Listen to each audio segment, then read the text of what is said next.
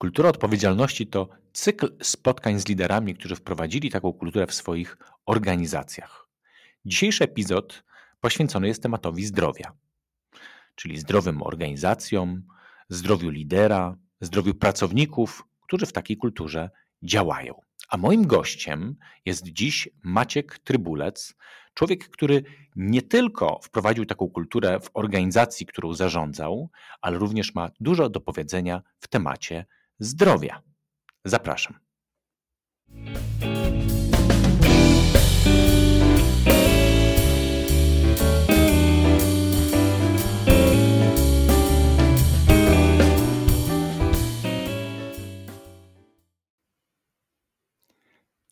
Dzień dobry Maćku, witam cię serdecznie. Dzień dobry, witaj Sławku.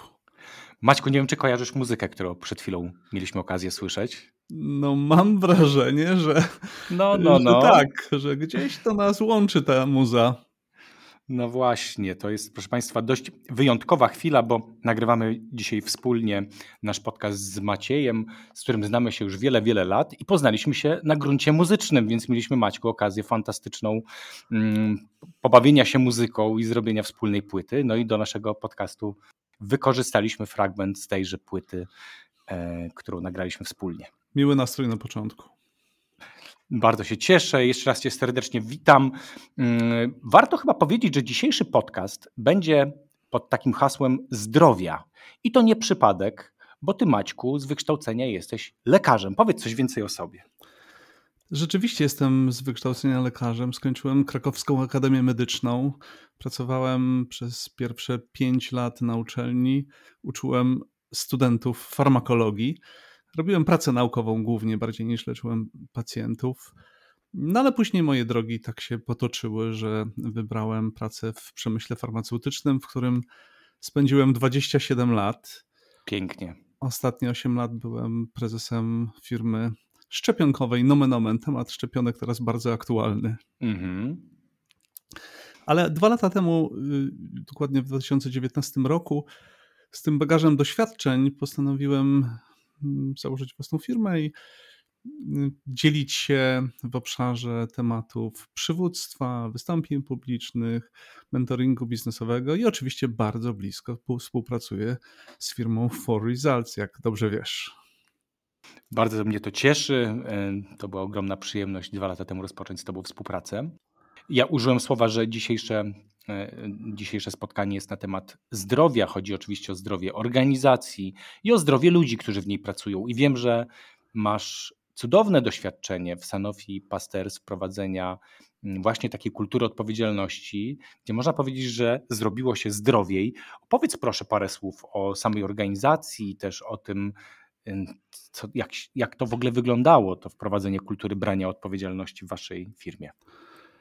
Sanofi to ogromny koncern y, międzynarodowy y, składający się z kilku firm i w Polsce również ja byłem szefem, byłem prezesem Sanofi Pasteur, firmy zajmującej się wyłącznie y, szczepionkami.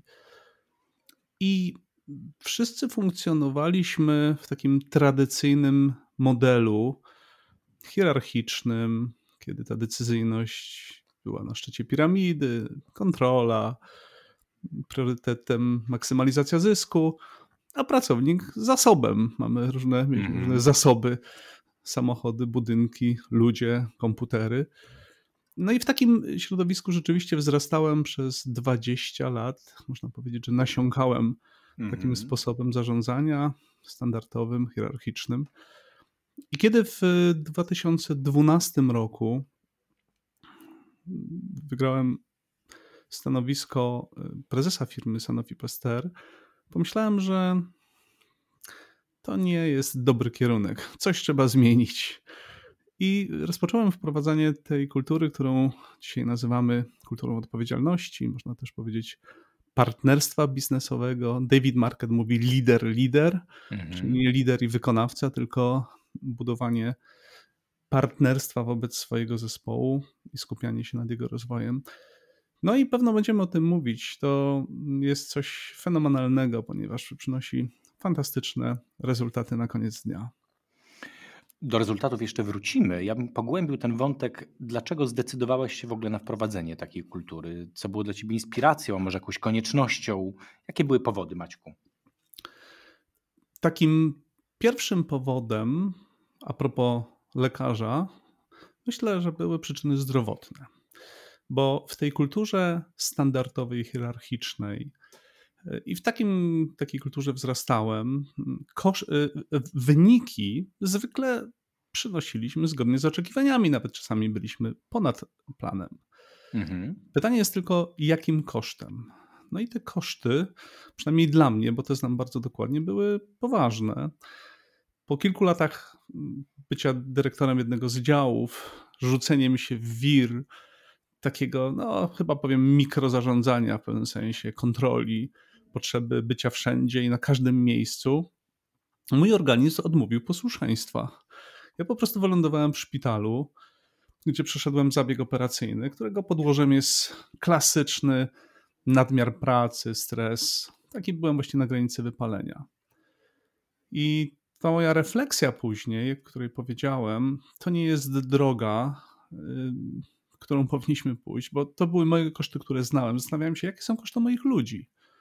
Niektóre może gdzieś tam dostrzegałem, ale myślę o kosztach, nie wiem, bezsenności, nadwagi, nadciśnienia, jakichkolwiek innych implikacji, czy po prostu zwykłego takiego stresu. I pomyślałem, że to absolutnie w ten sposób nie można kontynuować. No, kiedy już zostałem prezesem, miałem duży wpływ na formę, na sposób, w jaki się mm -hmm. zespół prowadzi. I to był ten pierwszy taki zdrowotny, ale jest jeszcze, myślę, znacznie głębszy drugi powód, to jest y, pytanie, co jest ważniejsze? Człowiek, czyli pracownik, Aha. czy maksymalizacja zysku, czyli kapitał? Tak, tak nawiasem mówiąc, to pytanie stawiamy od lat i bardzo jasno wyraził to nasz rodak, Jan Paweł II, który już w 1981 mm -hmm. roku w encyklice Laborem Exercens napisał, że człowiek ma być przed kapitałem, a nie kapitał przed człowiekiem.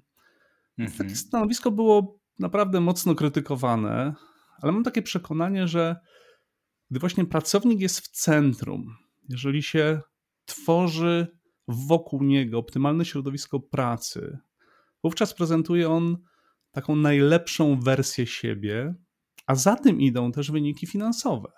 Kreatywność, zaangażowanie i wysoka motywacja.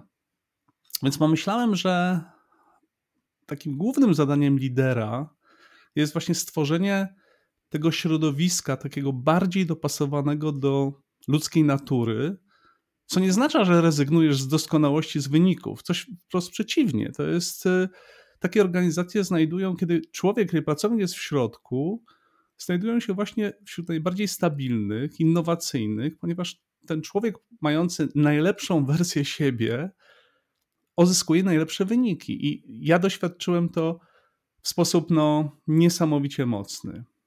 Niestety mm -hmm. dość często liderzy postrzegają ludzi jako takie narzędzie napędzania cyferek, a właśnie w najlepszych organizacjach przywódcy nie patrzą na ludzi jak na zasoby, którymi trzeba zarządzać, ale raczej E, patrzą na pieniądze jak na zasoby, którymi trzeba zarządzać, żeby rozwijać ludzi.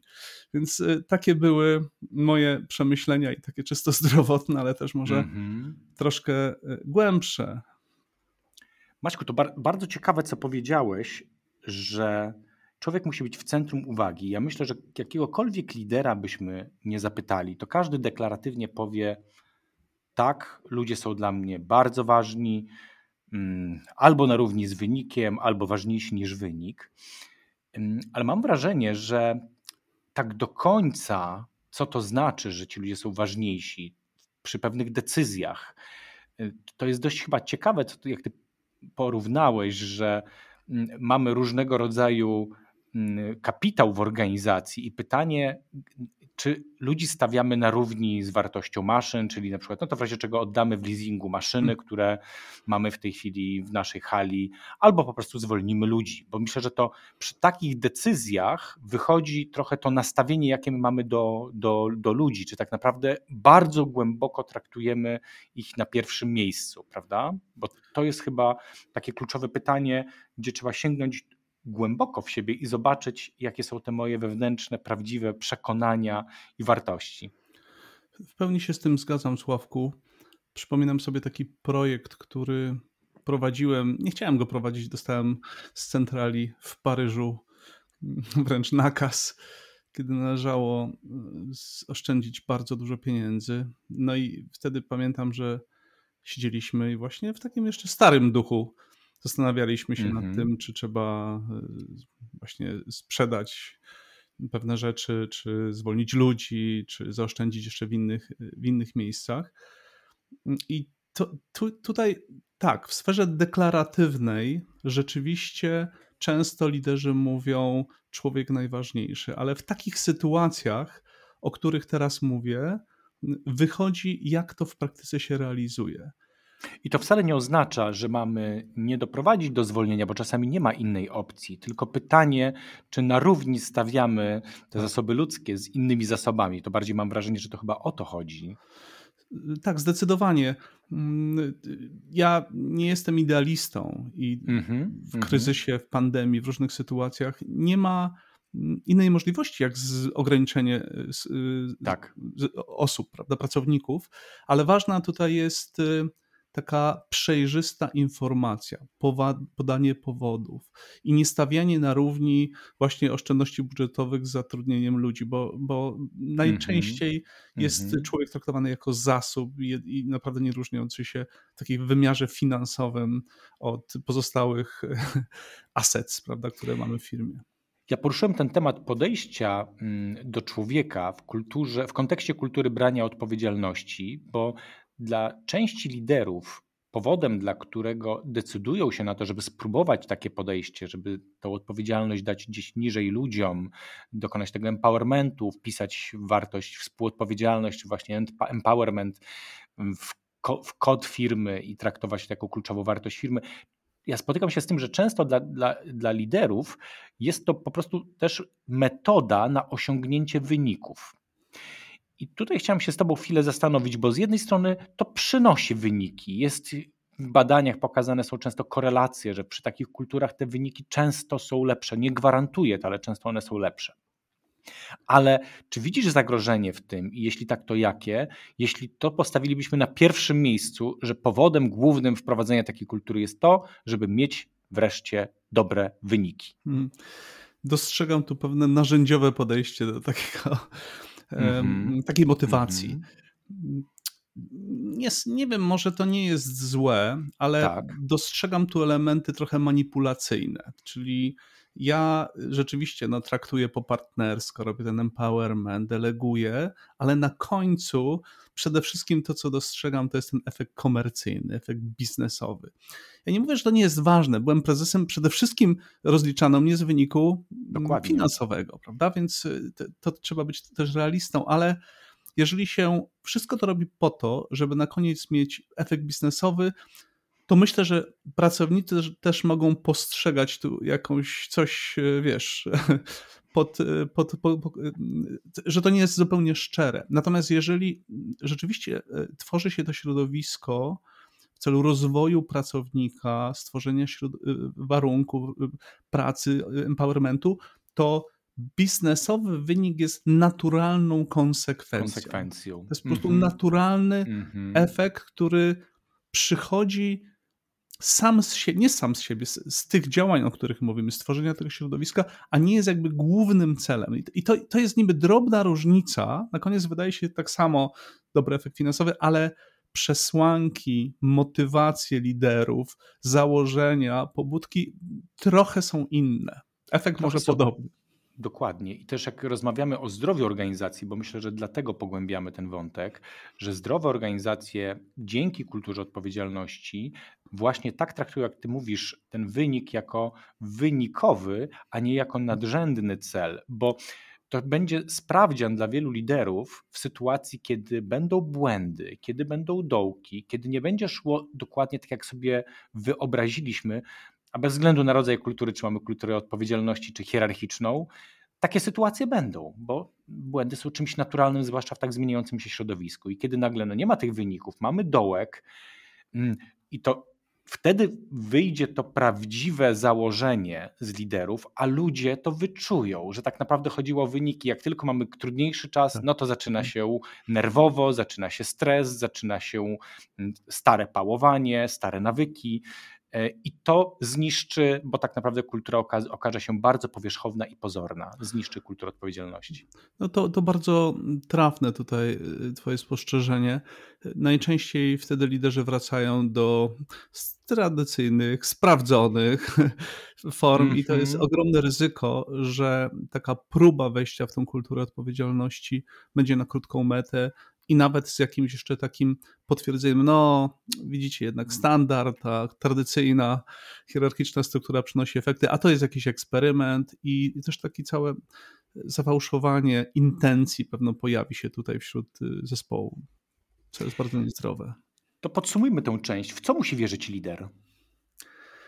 Myślę, że punktem wyjścia jest taka prawdziwa wiara w potencjał pracownika, mm-hmm. a następnie rozwój tego potencjału i, budowanie na nim. Tak jak pamiętamy, David Marquez zawsze mówił, że główną rolą jest to budowanie kompetencji i przekazywanie odpowiedzialności.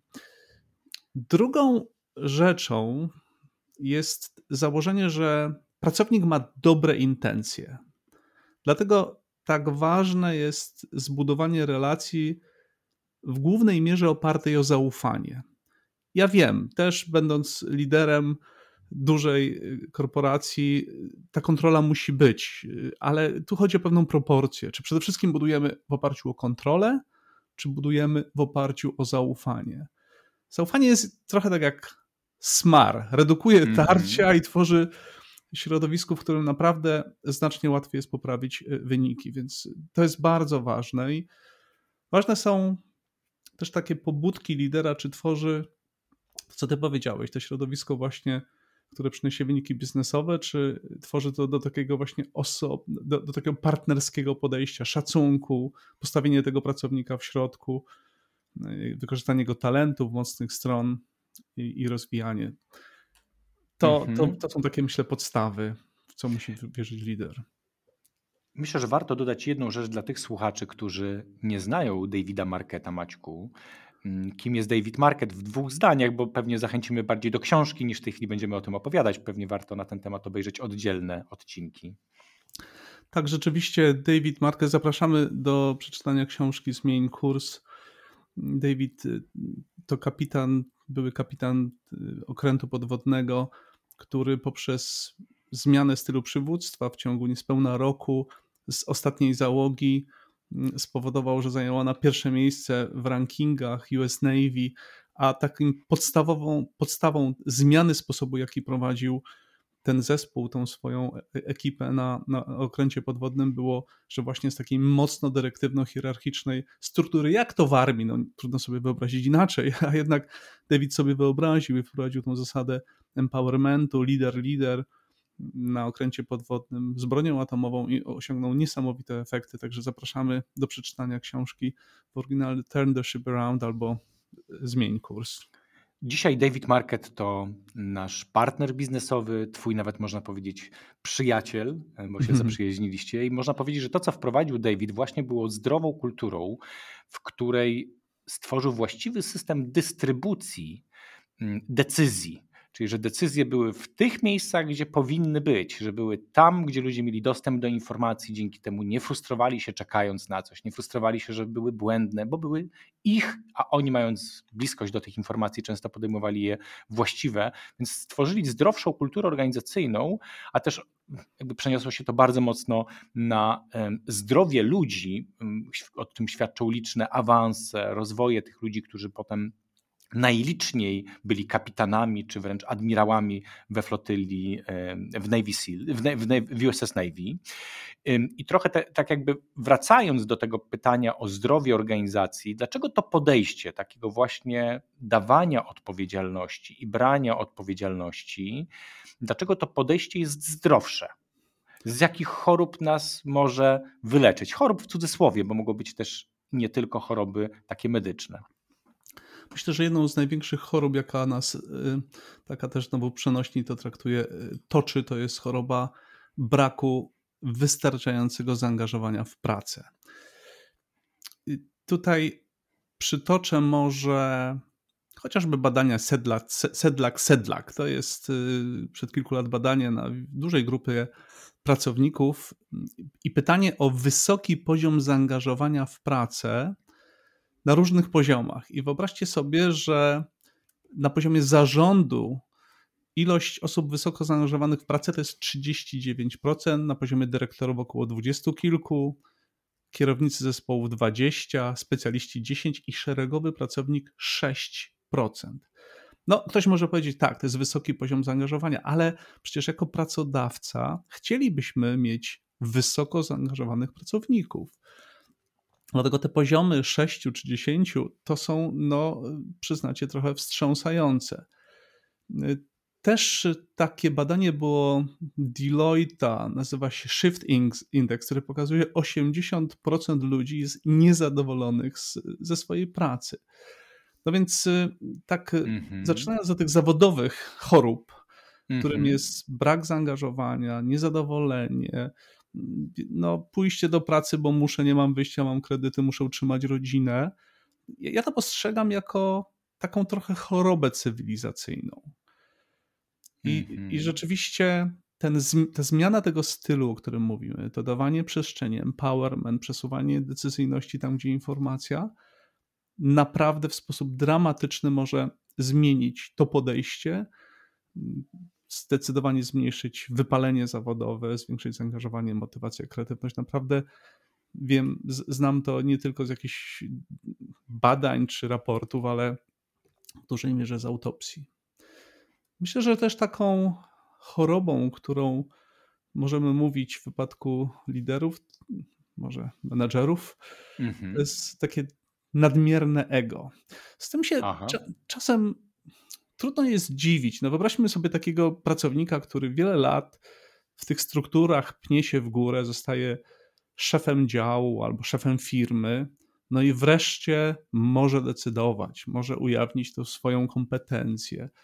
I to są takie trochę lajki dopaminowe, rzeczywiście, mm -hmm. które czasami mogą się przerodzić w to takie nadmierne ego, i to y, David, nie David, przepraszam, tylko Simon Sinek napisał w swojej książce Liderzy, jest on na końcu świetny cytat, gdzieś go tutaj miałem. On mówi tak, to niewydający polecenia geniusz na szczycie sprawia, że ludzie są wspaniali, lecz wspaniali ludzie sprawiają, że człowiek na szczycie wydaje się geniuszem. Więc mm-hmm. chodzi o, o, to odwrócenie, że nie ten geniusz na szczycie, który rzeczywiście w, tej, w, tej, w czasach zmienności, nieprzewidywalności, wie wszystko, mówi, co, co mają robić, gdzie i w jaki sposób, tylko właśnie, y, y, żeby to ego przesunąć, zmniejszyć i żeby y, oddać pole, stworzyć środowisko do, do pracy, właśnie do, do pracy innym. Mhm. Teraz no, to, co powiedzieliśmy, że tą chorobą jest właśnie ta frustracja, ten, to, to niezaangażowanie, więc to jest taki obszar, który, wiesz Sławku, ja się cały czas zastanawiam, dlaczego ten styl przywództwa jest ciągle w jakiejś takiej mniejszości, że zdecydowana większość firm i na rynku polskim, ale nie tylko, działa w tym systemie, który przynosi wyniki biznesowe, ale tak jak powiedzieliśmy wcześniej, jest przyczyną naprawdę dużych, wielkich kosztów, kosztów takich czysto zdrowotnych, czasami, nie wiem, rozbicia rodzin wręcz, E, czy, czy takich e, no, frustrująco demotywujących. Więc e, tutaj tych, te, te koszty, czy jak nazywałeś, choroby są naprawdę liczne. Wiesz, ja nie chciałbym pewnie na ten temat poświęcić całego dzisiejszego spotkania, mówiąc o tych chorobach, choć jest o zdrowiu organizacji, o zdrowiu lideru i zdrowiu liderów i zdrowiu pracowników, ale tak z mojego doświadczenia pracy z wieloma, wieloma liderami, część y, nas liderów stała się liderami z powodów takich, można powiedzieć, trochę predyspozycji wynikających z wychowania, trochę z cech charakteru, ale mocno z wychowania, z różnych przeżyć, które mieliśmy w dzieciństwie też, y, które powodowały, że chcemy, potrzebujemy mieć kontrolę. I że stajemy się liderami często dlatego, że mamy tę potrzebę kontroli i że w tym starym ujęciu tradycyjnym mm, ten, ta cecha no jakby prowokowała nas do tej roli, powodowała, że w tą rolę wchodziliśmy.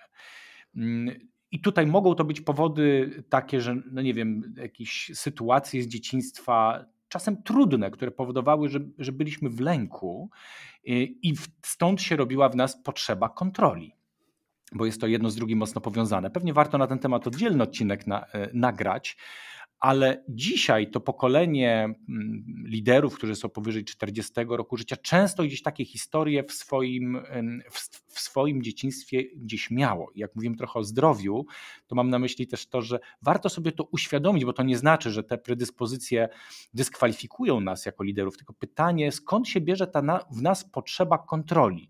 Czy nie warto się nią trochę zająć i nie uczynić tej cechy u nas zdrowszej u liderów? Bo być może przyczyny są nie do końca takie, z których jesteśmy świadomi, nie do końca takie, z których jesteśmy zadowoleni, usatysfakcjonowani. Potrzeba kontroli jest czymś naturalnym i myślę, że ona mm -hmm. jest mhm. związana z tym, co powiedziałeś, jakimiś doświadczeniami może dzieciństwa, a ja bym może powiedział z odpowiedzialnością za wynik końcowy. Okay. Jak zostajesz szefem działu, szefem firmy, to wiadomo, że twoja przyszłość jest związana z efektem rozliczenia cię za efekt biznesowy, za, za rezultat biznesowy. I, no, no i to jest y, dobrze. Skoro tak, skoro jestem odpowiedzialny, to wszystko muszę kontrolować, sprawdzać, być, y, być pewny, że nie ma błędów po drodze. Tylko, że to jest no niestety błędne koło w jakiś sposób, ponieważ y, to mikrozarządzanie mhm pewno daje efekty, ale z tymi kosztami, które już wcześniej wspominaliśmy, więc nie, nie, nie będę do tego wracał. Natomiast to, co jest chyba takie przełomowe, przepraszam, dla mnie było przełomowe może, okay. to jest to, co powiedziałem wcześniej. Zaufanie ludzi, oparcie o, się o ich potencjał, wiara, że mogą, że mogą rzeczywiście zrealizować lepiej niż ja bym to zrobił poprzez taki sposób właśnie dyrektywnego czy takiego mikromanagementu i robienie wszystko, żeby stworzyć to, co nazywamy środowisko. Co to znaczy? Rozwijać, prowadzić przez mentoring, coaching, pytania, rozmowy, nie dawania rozwiązań. Pamiętasz też Davida temat, nie mów, y, chociaż wiesz, co zrobić. Więc to jest taka, takie otwarcie i zaufanie, że ta droga nie jest y, niebezpieczna, wprost przeciwna. Jeżeli chyba to gdzieś padło w książce też Davida, że nagle nie był jeden lider, tylko było 135 liderów, mhm. czyli szansa na powodzenie naprawdę jest większa. Czyli ten efekt końcowy ma większą szansę być doniesiony, mówię o takim czysto już biznesowym, tak. niż w wypadku, gdy ty albo tam garstka top managementu czuwa nad różnymi, nad 70-80% procesów decyzyjnych i tym wszystkim, co się dzieje. Więc, więc tutaj jest taki moment zaufania, otwarcia. Jeżeli będziemy odważni, żeby to zrobić, myślę, że wyniki nas samych zaskoczą. Mhm.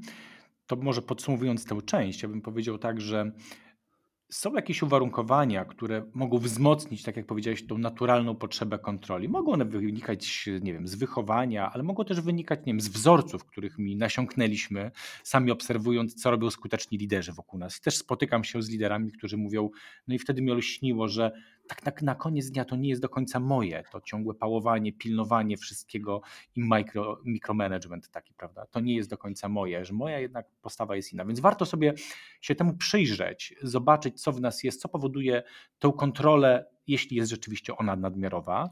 I tak jak mówisz, to mam wrażenie, że w kulturze odpowiedzialności są takie dwa wyzwania, jeśli chodzi o postawy ludzi. Z jednej strony jest to nadmiarowe branie odpowiedzialności, nadmiarowa kontrola, kontrola i to jest głównie tej kadry menedżerskiej się tyczy. Z drugiej strony, no to nie branie odpowiedzialności przez pracowników, takie postawy raczej trochę od do, mm, asekuranckie. Czyli mamy takie do czynienia gdzieś w hierarchii z tendencjami, żeby było takie podwójne niezrównoważenie. Jedni nadmiarowo, drudzy nie do końca mm, różne rzeczy przejmują. Jakbyś to skomentował? Czy takie zjawiska obserwowałeś?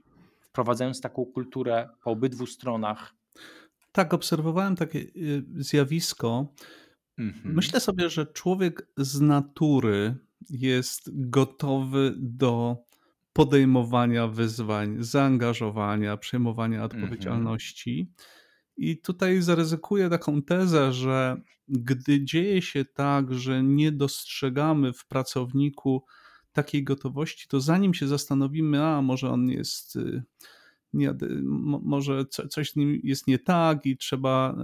Y, Za małe ma kompetencje. Na kompetencje, przykład. być może -hmm. trzeba go nawet zwolnić. To proponowałbym, żeby krok wcześniej zadać pytanie a propos tego środowiska, w którym on się znajduje i mm, czy on ma rzeczywiście na przykład wpływ, nawet na tym poziomie jego decyzyjności, czy, czy, to, czy, czy te warunki, w których on funkcjonuje, są no właśnie takie, które go zachęcają do tego, żeby brać odpowiedzialność, żeby się angażować motywować. Najczęściej, naprawdę najczęściej to właśnie otoczenie pracownika decyduje o jego postawach, a, a, nie bardzo wierzę, że z natury jest ktoś, no nie wiem, leniwy, niechcący podejmować. To, to są chyba absolutnie wyjątki. Jeżeli rzeczywiście tak jest, no to, no to pewno nie ma miejsca w zespole, o którym mówimy, tym, taki, tym zespole empowermentu, zespole partnerstwa biznesowego.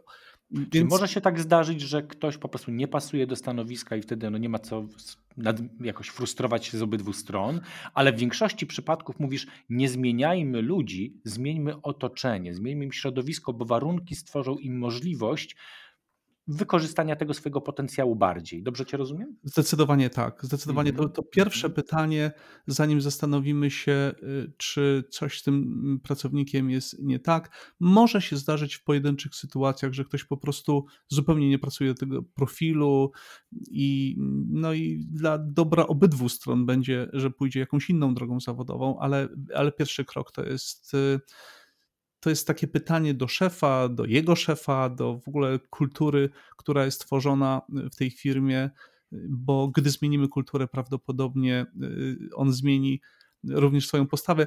Przypomnę jeszcze, nawiązując do Davida, 135 y, marynarzy, najgorsze w rankingu, y, i bez wymiany jakiegokolwiek z pracowników mm -hmm. w mhm. ciągu niespełna roku staje się najlepszą załogą. Bez wymiany jakiegokolwiek. Gdyby przyszedł standardowy lider, prawdopodobnie by zmienił 30% załogi y, i przyjął być może właśnie osoby z większym potencjałem.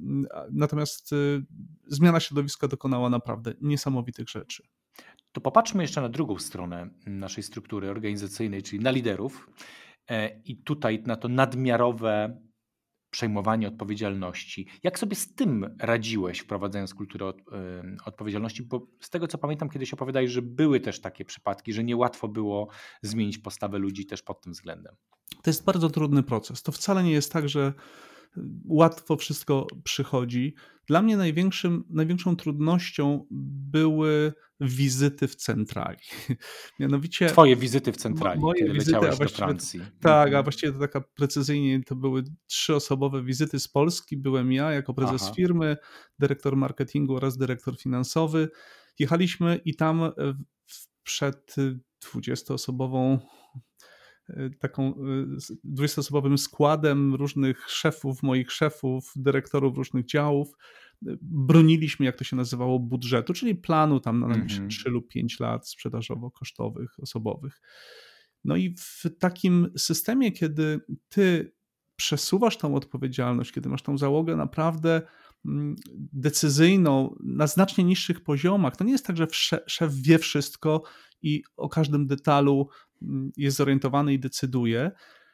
Y, I wtedy na takich spotkaniach budżetowych tym, ja jako prezes miałem bardzo szczegółowe pytania. Naprawdę tak szczegółowe, że do głowy by mi nie przyszło, że ja w ogóle mógłbym to, to znać czy wiedzieć. I ja bardzo często nie, nie znałem odpowiedzi na pytania. Już jak były takie chwile irytacji, to pamiętam kiedyś miałem pytanie, ile mamy pacjentów w badaniu klinicznym, to powiedziałem, że nie wiem, ale wyjąłem telefon komórkowy z kieszeni, powiedziałem, mogę zadzwonić do dyrektora medycznego i się zapytać, więc to wywołało taką lekką frustrację. Mhm. Na, natomiast y, to, co wybroniło mnie z tej sytuacji, to taka próba stopniowego oswajania informowania, że styl, w którym ja prowadzę firmę, jest inny. I oczywiście broniły mnie fantastyczne wyniki. Myśmy przekraczali plany mm -hmm. bardzo znacznie. Dlatego oni się przyglądali temu jak, jako takiemu ciekawemu doświadczeniu, że ten szef tu no, dużo nie wie. No, nie jest tak, że nic nie wiedziałem. Wiedziałem, ale pewne szczegóły nie wie. Niemniej jednak te wyniki jakoś są, więc tu trzeba trochę takiej odwagi, żeby nie przejmować się tym, że nie odpowiesz na kilka pytań czy kilkanaście pytań. Tak się działo rok w rok. Mm, I, I drugi taki, druga taka ważna rzecz to jest relacja z przełożonym. Mój przełożony, świetny, świetny człowiek, ale on miał zupełnie inny styl. On wiedział wszystko, nie tylko o, o, Polsce, jak jednym z 17 krajów, za które był odpowiedzialny, ale za 16 pozostałych krajów też wiedział chyba więcej niż. On może wiedział więcej o Polsce niż ja.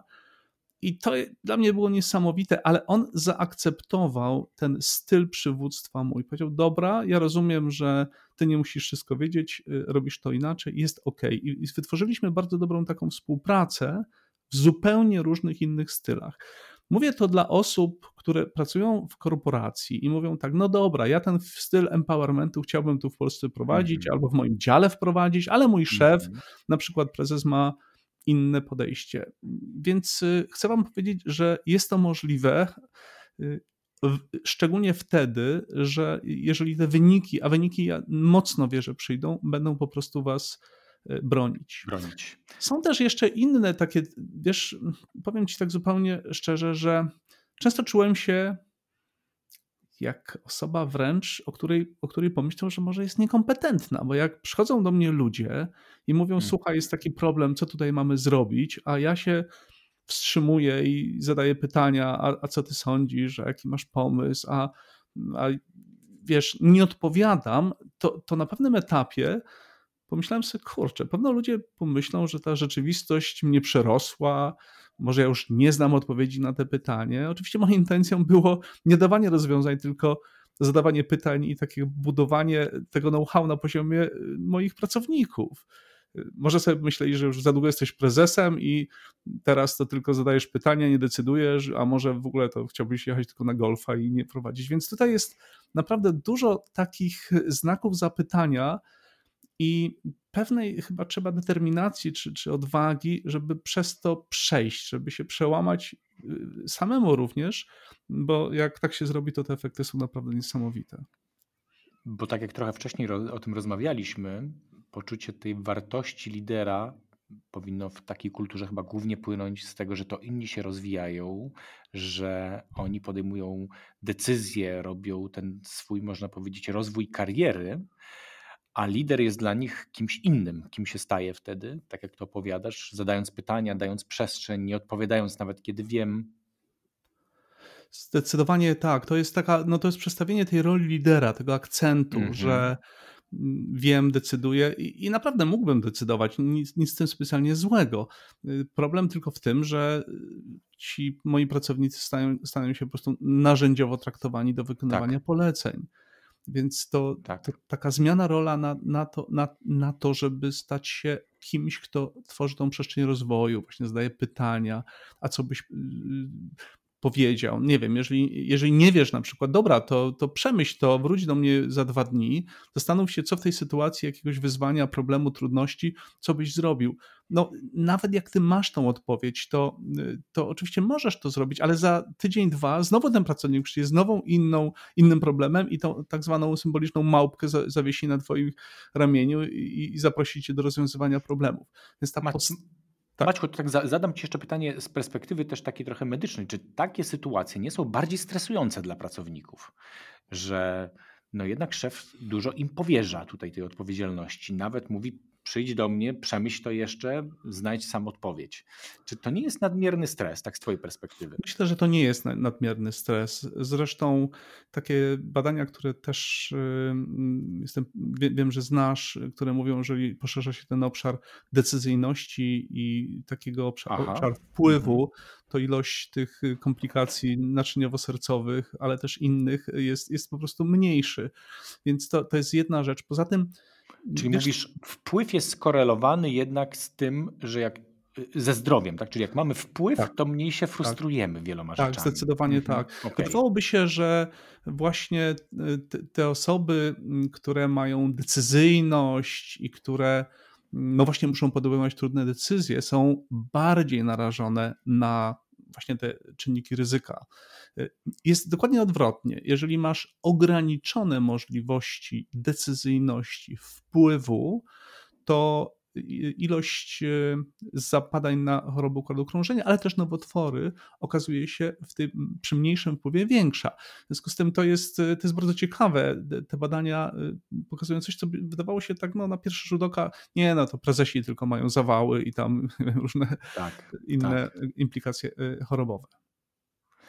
Mhm. Mm, jeszcze patrząc na te wyzwania związane ze zmianą kultury organizacyjnej, jak e, przytaczamy dość często w naszej rozmowie z Davida, dla niego dużym wyzwaniem było wpłynięcie na tę kadrę menedżerską niżej, nie? bo jego struktura to była, że on był kapitanem, miał oficerów, bosmanów, no i tych marynarzy. Tam takim, taką dźwignią tej całej zmiany okazali się bosmani, czyli ten szczebel liderów, którzy mają kontakt z pracownikami. Jak to było w Twoim wypadku? Czy łatwo było ten poziom liderów pomiędzy Tobą a pracownikami zmienić? Jakie masz tutaj doświadczenia?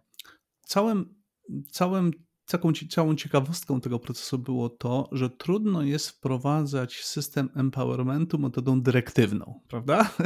Przychodzisz no tak. i mówi, od dzisiaj wszyscy odgórnie wam nakazuje, że macie no nie wiem, podejmować decyzje niżej i tak dalej. W związku z tym ta, sposób, jaki myśmy to robili, Aha. był taki, że w tym zespole menedżerów, tak, tak zwanym management team, management committee, w którym było 8 osób, dyskutowaliśmy najpierw o tym całym temacie.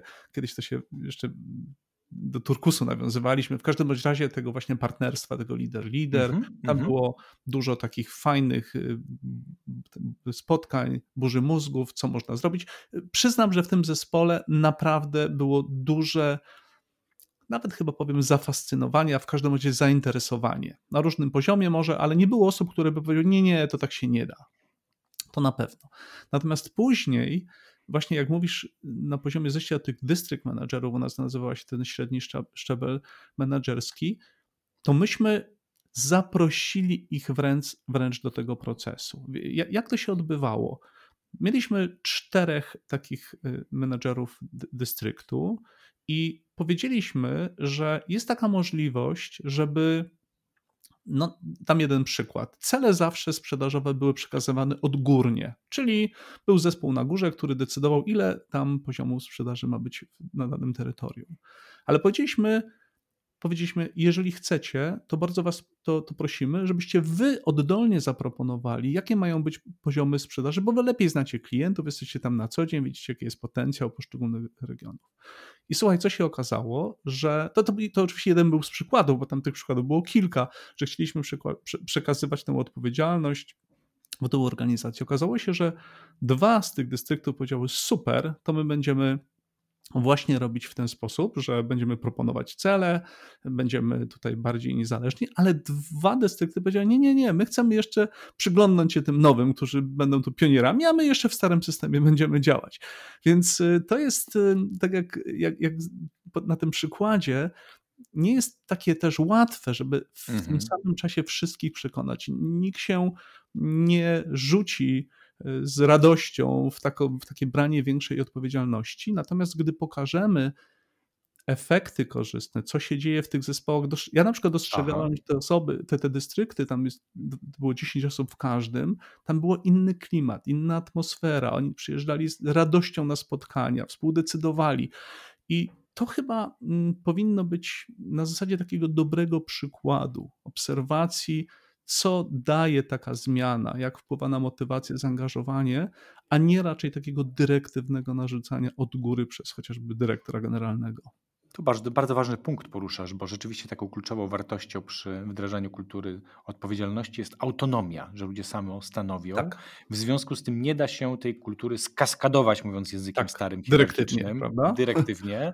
I żebyśmy w tym samym tempie kulturowo szli.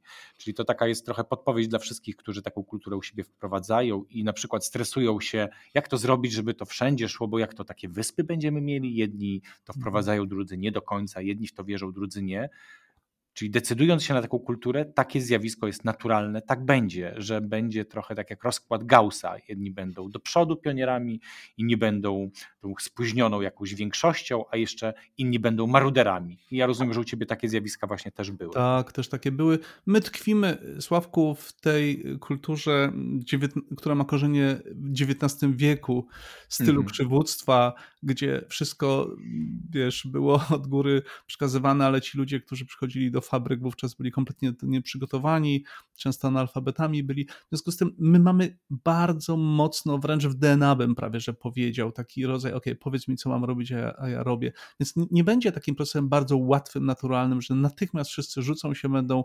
zaangażowani, będą proaktywni. To wymaga dużej cierpliwości i raczej takiego pokazywania dobrych przykładów, dobrych efektów tego i jestem przekonany, że wtedy no, wszyscy zaangażują się. Po jakim czasie zobaczyłeś efekty? Takie pierwsze, że powiedziałeś, kurczę, to działa, to naprawdę jest dobry kierunek. Niestety to nie było tak szybko jak u Davida, bo u Davida -hmm. było, jak wiemy, niespełna roku. Ja myślę, że też właśnie poprzez ten taki wolny proces, o którym mówię, chociażby y, dystrykt po dystrykcie, pierwsze efekty zauważyłem mniej więcej po dwóch latach. Pamiętam rok 2013, mm -hmm. kiedy byliśmy tak na, na granicy. To naprawdę wymaga cierpliwości. Tak, tak. tak to, to, to mm -hmm. myślę, że dwa lata. I jeszcze to nie jest tak, że po tych dwóch latach nagle wszyscy się tak. Y, zachwycili i w ogóle mogą powiedzieć, tak, dobra, to teraz już jesteśmy na tym poziomie, którym chcemy. Ale, ale też tak trochę powiem ci, co, co, co było tym takim miernikiem dla mnie. No, zacznę mm -hmm. od tego, czym rzeczywiście firma komercyjna mm, jest zainteresowana, czyli wynikiem biznesowym. Myśmy rok po roku przekraczali poziom sprzedaży, co było dość dużym ewenementem, bo ten rynek farmaceutyczny wcale nie wzrasta jakoś szybko, to jest kilka procent wzrostu rocznie, a myśmy... A wyście rośli szybciej niż średnia rynkowa. Dużo, dużo. Myśmy mm -hmm. w mhm. roku 15 przekroczyli chyba 17% powyżej, potem w 16 20, a w 17 to pamiętam jak dziś 50 ponad procent przekroczyliśmy. Po prostu wszyscy otwierali oczy ze zdumienia w centrali, co się dzieje w ogóle w Polsce, jakaś dziwna sytuacja.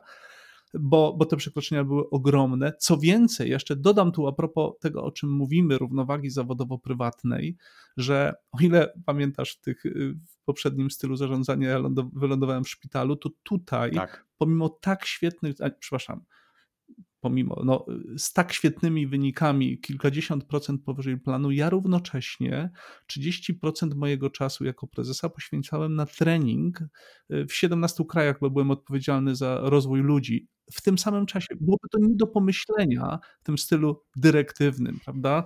Więc y, to Łączyłeś było... to z rolą trenera, który szkolił menedżerów w 17 krajach. W 17 krajach, a, a wyniki no po prostu pikowały, mm -hmm. szybowały mm -hmm.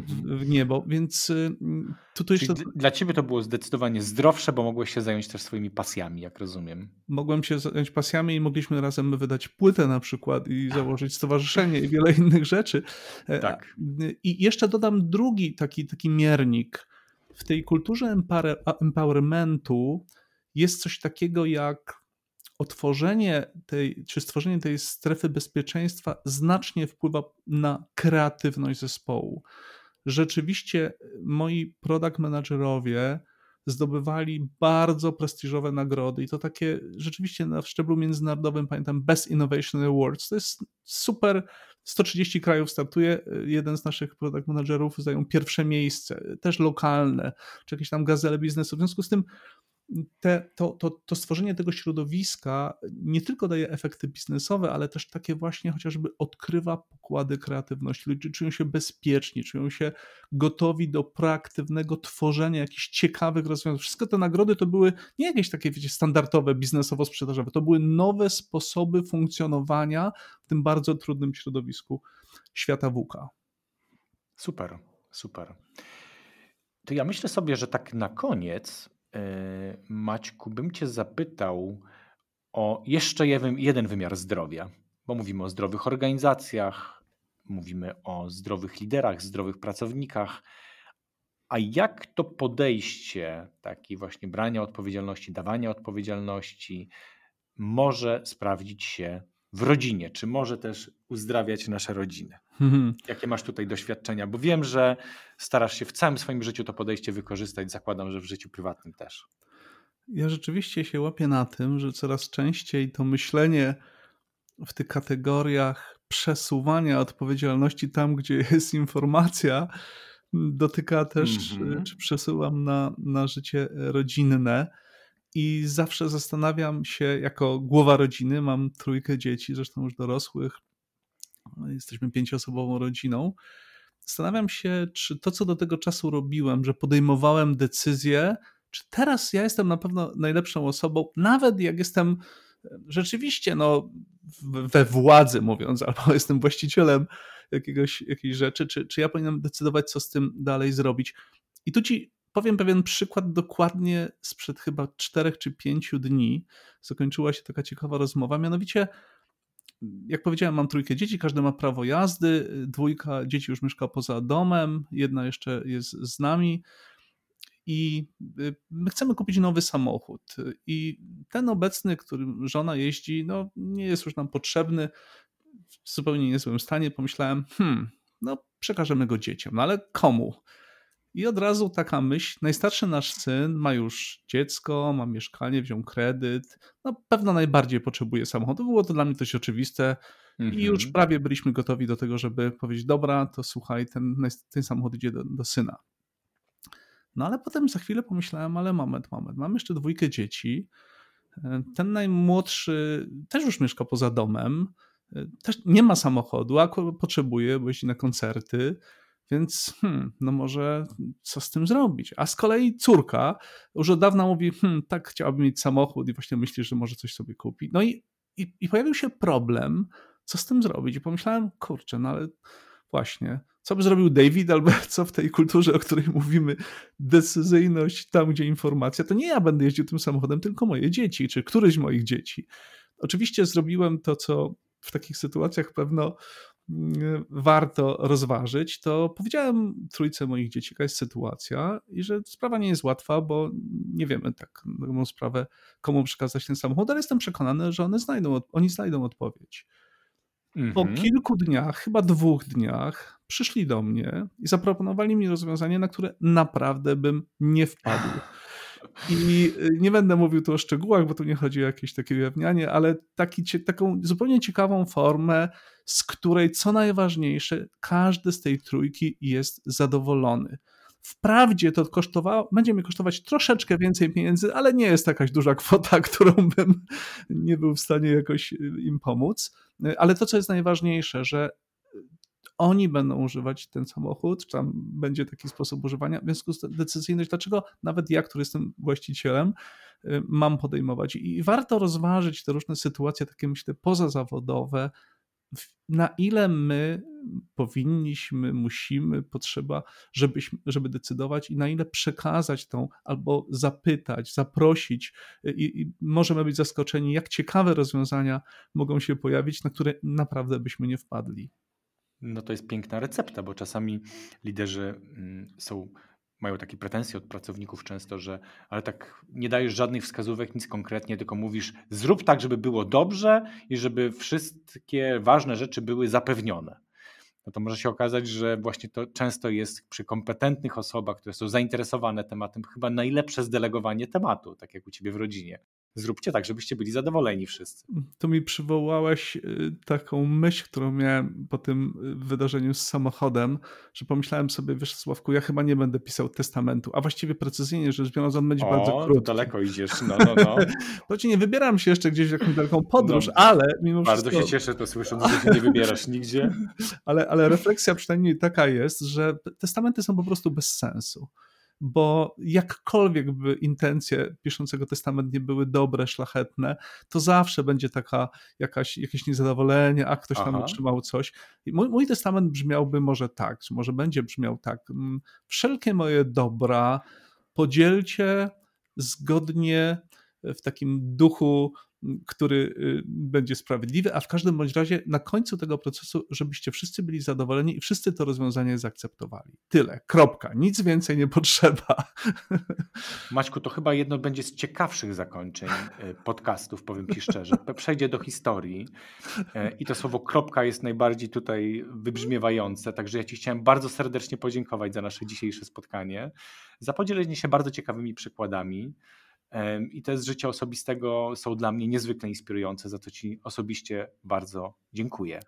Ja dziękuję za zaproszenie, miło mi było z Tobą rozmawiać, Sławku. Pozdrawiamy wszystkich słuchaczy serdecznie. Jeszcze raz dziękuję za uwagę. Do widzenia.